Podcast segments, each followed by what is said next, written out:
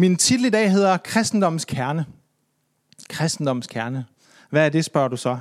Ja, det er det mest essentielle i Bibelens budskab. Og øh, derfor så tror jeg også, at det kan have en kæmpe indflydelse på vores liv, måden vi lever på, måden vi tænker på, måden vi føler på, vores relationer, vores hverdag på alle måder kan blive påvirket af det her budskab. Jeg vil tage udgangspunkt i en lignelse, som Jesus han, han fortæller i Lukas 15. Vi plejer at kalde den her lignelse lignelsen om den fortabte søn. Men faktisk så starter Jesus i lignelsen med at sige, at det her det handler om en mand, der havde to sønner. Man kunne kalde den lignelsen om de to fortabte sønner. Du kan også vælge at kalde den lignelsen om den fortabte familie. For der var en far i historien, som var mindst lige så fortabt som de to sønner, som jeg skal tale om i dag. Hvis vi prøver at kigge sammen i Lukas 15, jeg læser fra den hverdagsdanske, og der står sådan her. Der var en mand, som havde to sønner. En dag sagde den yngste søn til sin far, Giv mig min del af arven nu. Faderen delte så, hvad han ejede mellem de to sønner. Nogle dage senere samlede den yngste søn alle sine penge og rejste udenlands. Der solgte han hele sin formue op i et udsvævende liv, og da han ikke havde flere penge, begyndte vanskelighederne at melde sig. Der blev hungersnød i landet, og han sultede. Til sidst søgte han job hos en landmand. Der sendte, øh, der sendte ham ud for at vogte grise på marken. Han fik ingen mad, og han drømte om at spise sig mæt i det grisene åd. Nu var han villig til at sluge sin stolthed og sagde til sig selv, Hjemme hos min far får en daglejer mere, end man kan spise, og her går jeg og er ved at dø af sult. Nu prøver jeg at tage, mig, tage hjem til min far og sige, Far, desværre har jeg svigtet både dig og Gud. Jeg fortjener ikke længere, at du kalder mig din søn. Men kan jeg få et job hos dig? Så begav han sig på vej og nærmede sig hjemmet. Mens han endnu var et godt stykke borte, fik hans far øje på ham, og fuld af medynk løb han ham i møde og omfavnede ham og kyssede ham på kinden til velkomst. Åh far, sagde sønnen, jeg har svigtet både dig og Gud. Jeg fortjener ikke længere at kalde din søn. Men hans far råbte til tjenerne, Skynd jer, find det bedste tøj, vi har i huset, og giv ham det på. Giv ham ring på fingrene og sko på fødderne, og slagt fedekalven, for nu skal der festes. Min søn var fortabt, men nu er han fundet. Han var død, men nu har han fået livet tilbage, og så blev der festet. Imens var den ældste søn ude at arbejde i marken. Da han kom hjem, hørte han musik og dans inden fra huset. Han kaldte på en af tjenerne for at spørge, hvad der foregik. Din bror er kommet hjem, fik han at vide. Din far har slagtet fedekalven, og nu er der fest, fordi din bror er kommet hjem i god behold. Den ældste bror blev godt sur og ville ikke gå ind i huset. Så gik hans far ud og bad ham om at komme ind. Nej, sagde han, nu har jeg i overvis slidt og slæbt for dig. Aldrig har jeg overtrådt nogen af dine påbud, men du har aldrig givet mig så meget som et gedekid, så jeg kunne holde fest sammen med mine venner. Men din søn der har østet dine penge bort sammen med prostituerede kvinder, og så snart han viser sig, slagter du gårdens bedste kald for ham. Hør, min søn, sagde hans far. Du er altid hos mig, og alt mit er dit. Men i dag må vi feste og være glade, for din bror var død, men har fået nyt liv. Han var fortabt, men er blevet fundet. Det vi fokuserer på, det er altid det, som står klarest. Og det, som vi ikke fokuserer på, det bliver mere sløret og kommer mere i baggrunden. En af udfordringerne med den her historie, når vi læser den, eller hvis vi har læst den, eller hørt den mange gange, det er, at vi har en tendens til at fokusere rigtig meget på den her yngste søn, som lever et umoralsk liv, som vælger at øsle alt væk. Og så overser vi faktisk det egentlige budskab, som Jesus han har. Fordi den her historie, den handler ikke primært om den yngste søn. Den handler mindst lige så meget om den ældste søn. Den handler om to forskellige måder at komme på afstand af sin far på. Hvis der er noget, vi kan relatere til i den her tid, så må det være det at holde afstand til nogle af vores nærmeste. Den her følelse af, at man længes efter at se sin mor eller sin far, eller hvem det nu er, som du lige nu er afskåret fra at se. Og så på den her måde have den her længsel. Jeg vil ønske, at jeg kunne være sammen med dem. Jeg vil ønske, at jeg kunne have fællesskab med dem. Men de her to sønner, de havde på hver deres måde gjort oprør mod deres far. Den yngste søn mere åbenlyst. Han gjorde oprør ved at ringeagte sin far i den kultur.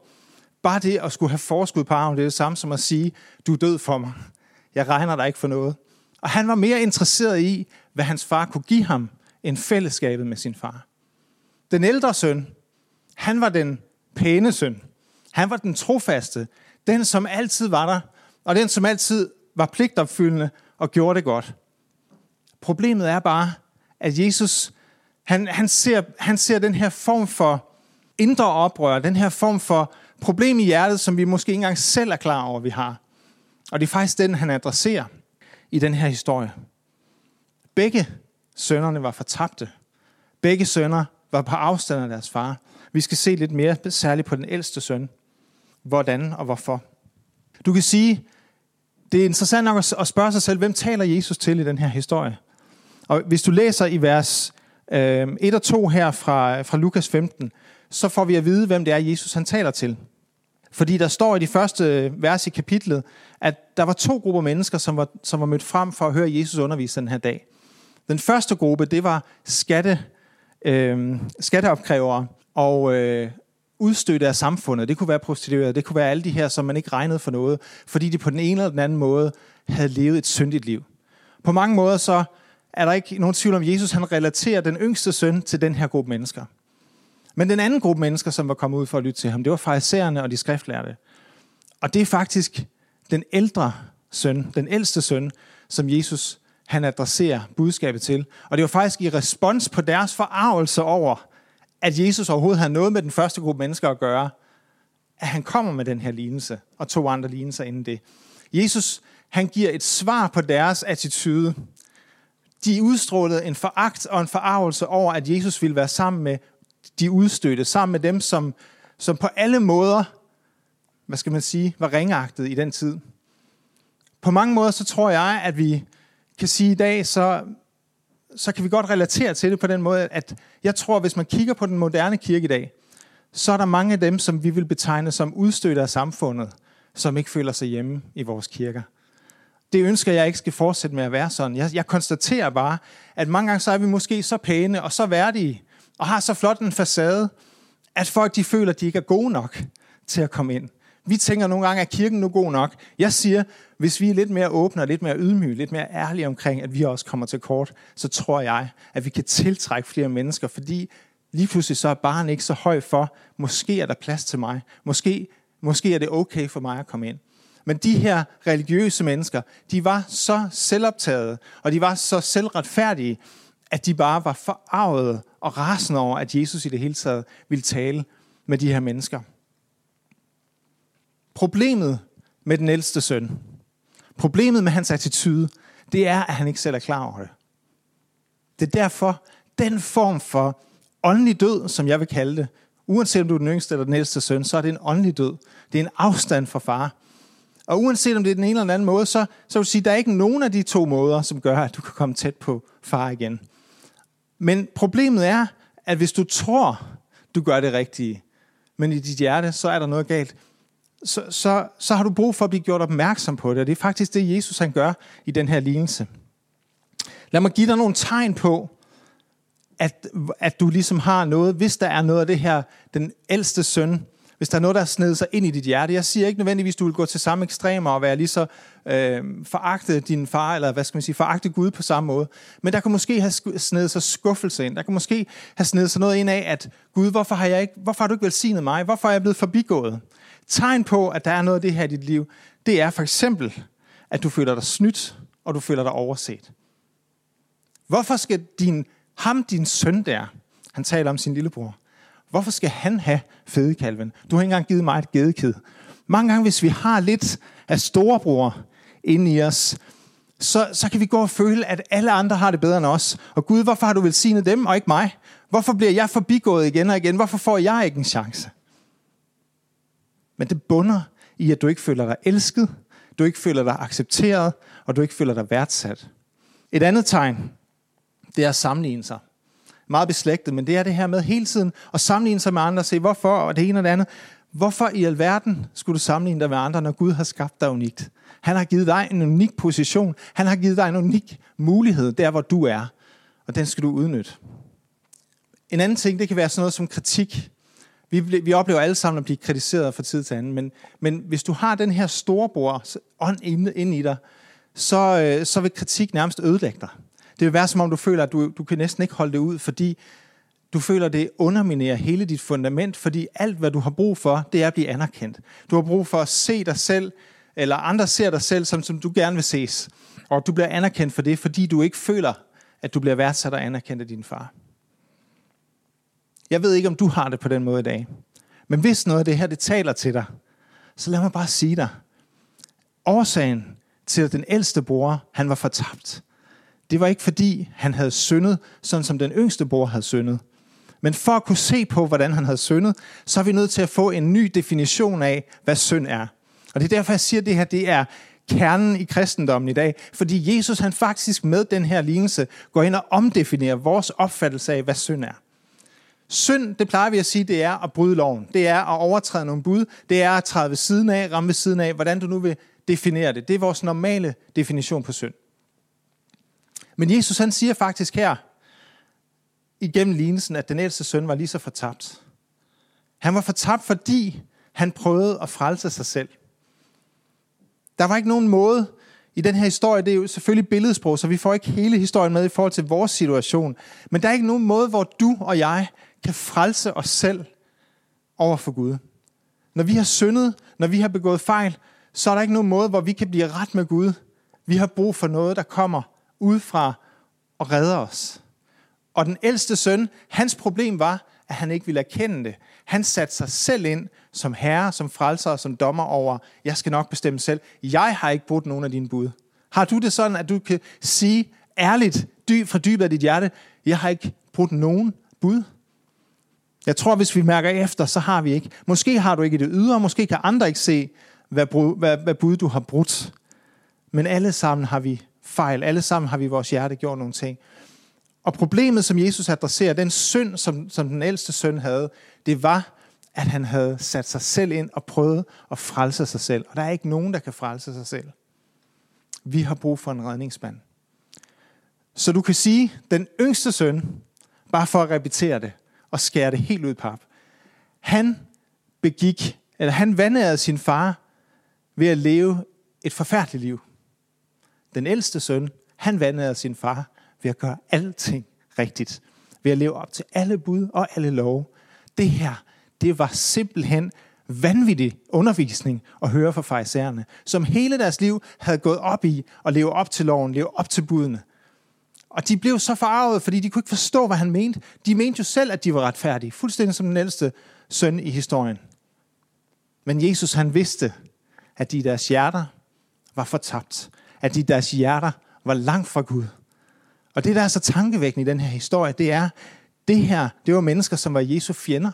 Det var mennesker, som senere ville få ham henrettet på korset.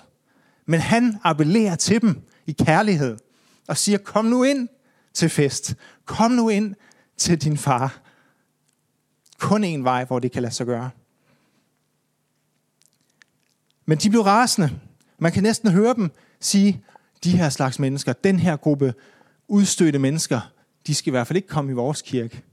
Lad mig bare sige, jeg håber på, at vi har plads til alle mennesker i Impact Church.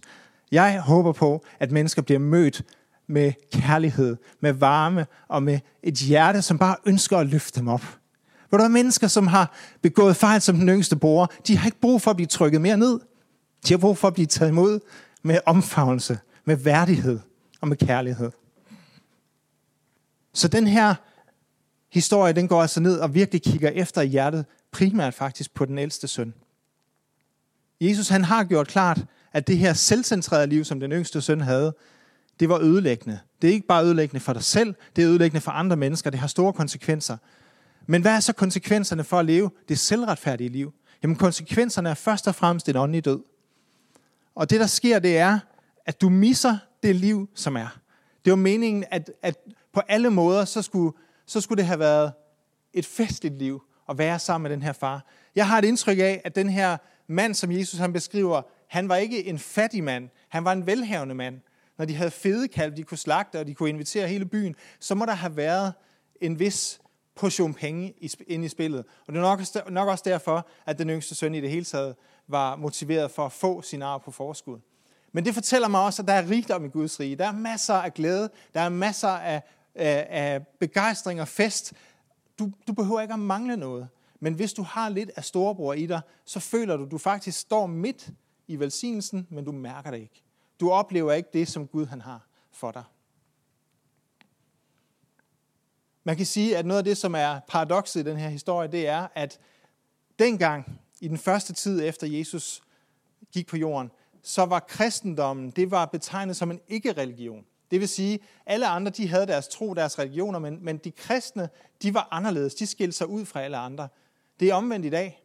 I dag så bliver kristendom og religion sat, der bliver sat lighedstegn. Det bliver betegnet som en religion for rigtig mange mennesker. De fleste danskere vil sige, at jeg er ikke religiøs.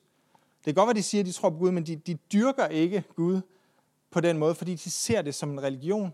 Og rigtig mange, de ser også religion som roden til alt ondt.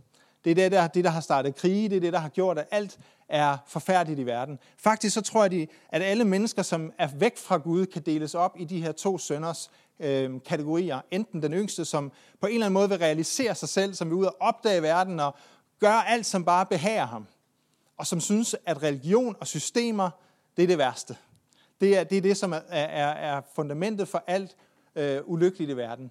Og så har du så den ældste, som er den lovlydige borger, den, den, den, øh, den pæne, det er ofte også den ældste i familien, som gør alt det, som mor og far siger, men som måske i virkeligheden er ulykkelig. Og de har den følelse, at den yngste, oprøreren, den som er umoralsk, det er dem, som ødelægger verden. Hvis bare de var væk, hvis bare vi kunne slippe for dem, så ville alting være godt. Alle mennesker har det her, dem og os, som, som deler os på den her måde. Og ved du hvad? Gud, han, han elsker alle mennesker. Begge grupper er fortabt uden Gud, men begge grupper er elsket af Gud. Det, jeg synes er tankevækkende ved den her historie, det er, at faren han går ud og går begge to i møde. Det var ikke noget, som var for den kultur var normalt. Da han kommer den yngste søn i møde, så kommer han løbende. Han kommer og omfavner ham. I det hele taget at se en patriark på den tid, som hiver kjorten op og begynder at løbe, var ikke normalt. Men han er ligeglad med, om han ydmyger sig selv, fordi han har den her kærlighed til sin yngste søn. Men på samme måde, så da han går ud og forlader festen, han var centrum i festen sammen med sin yngste søn. Han går ud og forlader festen for at komme udenfor til sin ældste søn.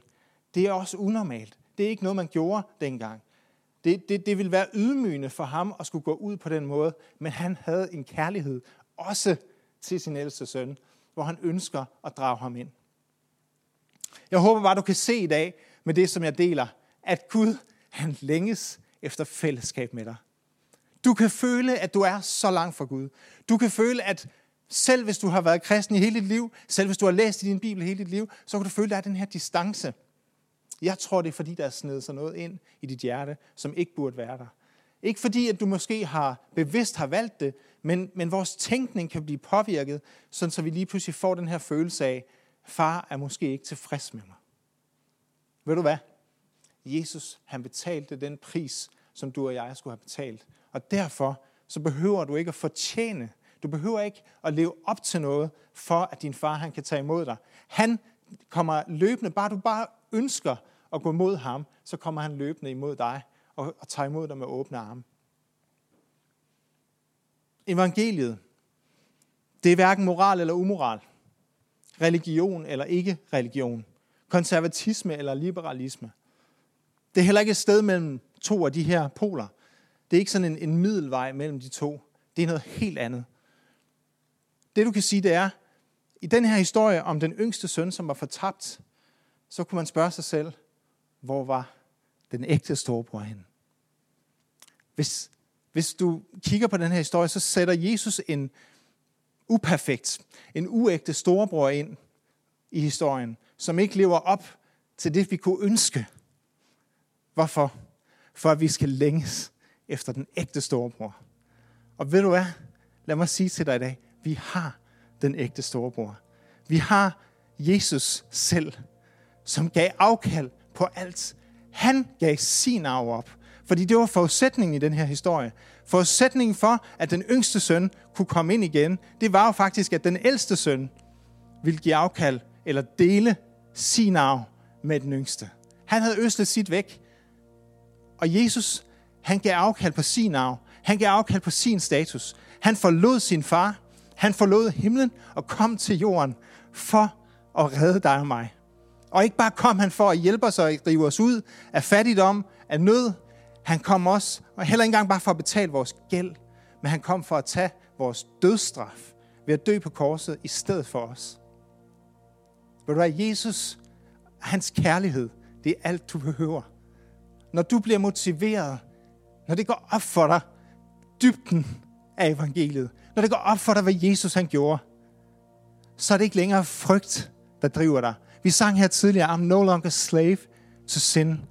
I'm a child, slave to fear. I'm a child of God. Jeg er ikke længere slave af frygt, men jeg er Guds barn. Når du begynder at gå op for dig, hvad Jesus har gjort, og hvad det vil sige at være Guds barn, hvad det vil sige at leve med Jesus, ved du hvad, så er, det, så, så er motivationen ikke svær at finde. Så gør du ikke tingene af pligt længere. Du gør det ikke, fordi du burde gøre det, men du lever og ånder for at gengælde alt, hvad Gud han har for dig, for at gengælde enhver form for kærlighed, som Jesus har vist dig. Jeg håber bare, at du mærker Guds hjerte banke for dig i dag. Jeg håber, du mærker, hvordan han længes efter fællesskab med dig. Og uanset om du føler dig mest som den yngste, eller som den ældste bror, så er alt, du behøver i dag, det at tage imod Jesus. Tag imod tilgivelsen. Det kan være, du har gjort det før, men det kan være, du har brug for at bare mærke, at det her evangeliet, det Jesus han gjorde på korset, at det bliver mere levende for dig igen. At du oplever, hvordan det bliver din, din drivkraft, din motivation for alt, hvad du gør, og alt, hvad du foretager dig i dit liv. Lad os bede sammen. Himmelske Far, jeg takker dig for din ufattelige kærlighed. Tak Gud, at du var villig til at ofre alt for os. Du ønskede ikke at holde på din egen værdighed. Du ønskede ikke at holde på, på noget, men du gav det, det, det dyrebareste, du havde. Du gav din egen søn for os. Og du ønsker på alle måder at komme os i møde. Du ønsker fællesskab med os i dag, Jesus. Helligånd, jeg beder dig om, at du bare rører ved hjerterne i dag. Så den, som sidder her og lytter med og ser med, oplever, at den kærlighed, som du har, bare omslutter dem lige nu. At du er klar til at tage, dig, tage dem til dig. Du er klar til at give dem ring på fingeren og kåbe på en ny værdighed, en ny, en ny, en ny start i livet. Jeg takker dig, Gud, for et mirakel i dag i menneskers liv. I Jesu navn. Amen. Gud velsigne dig.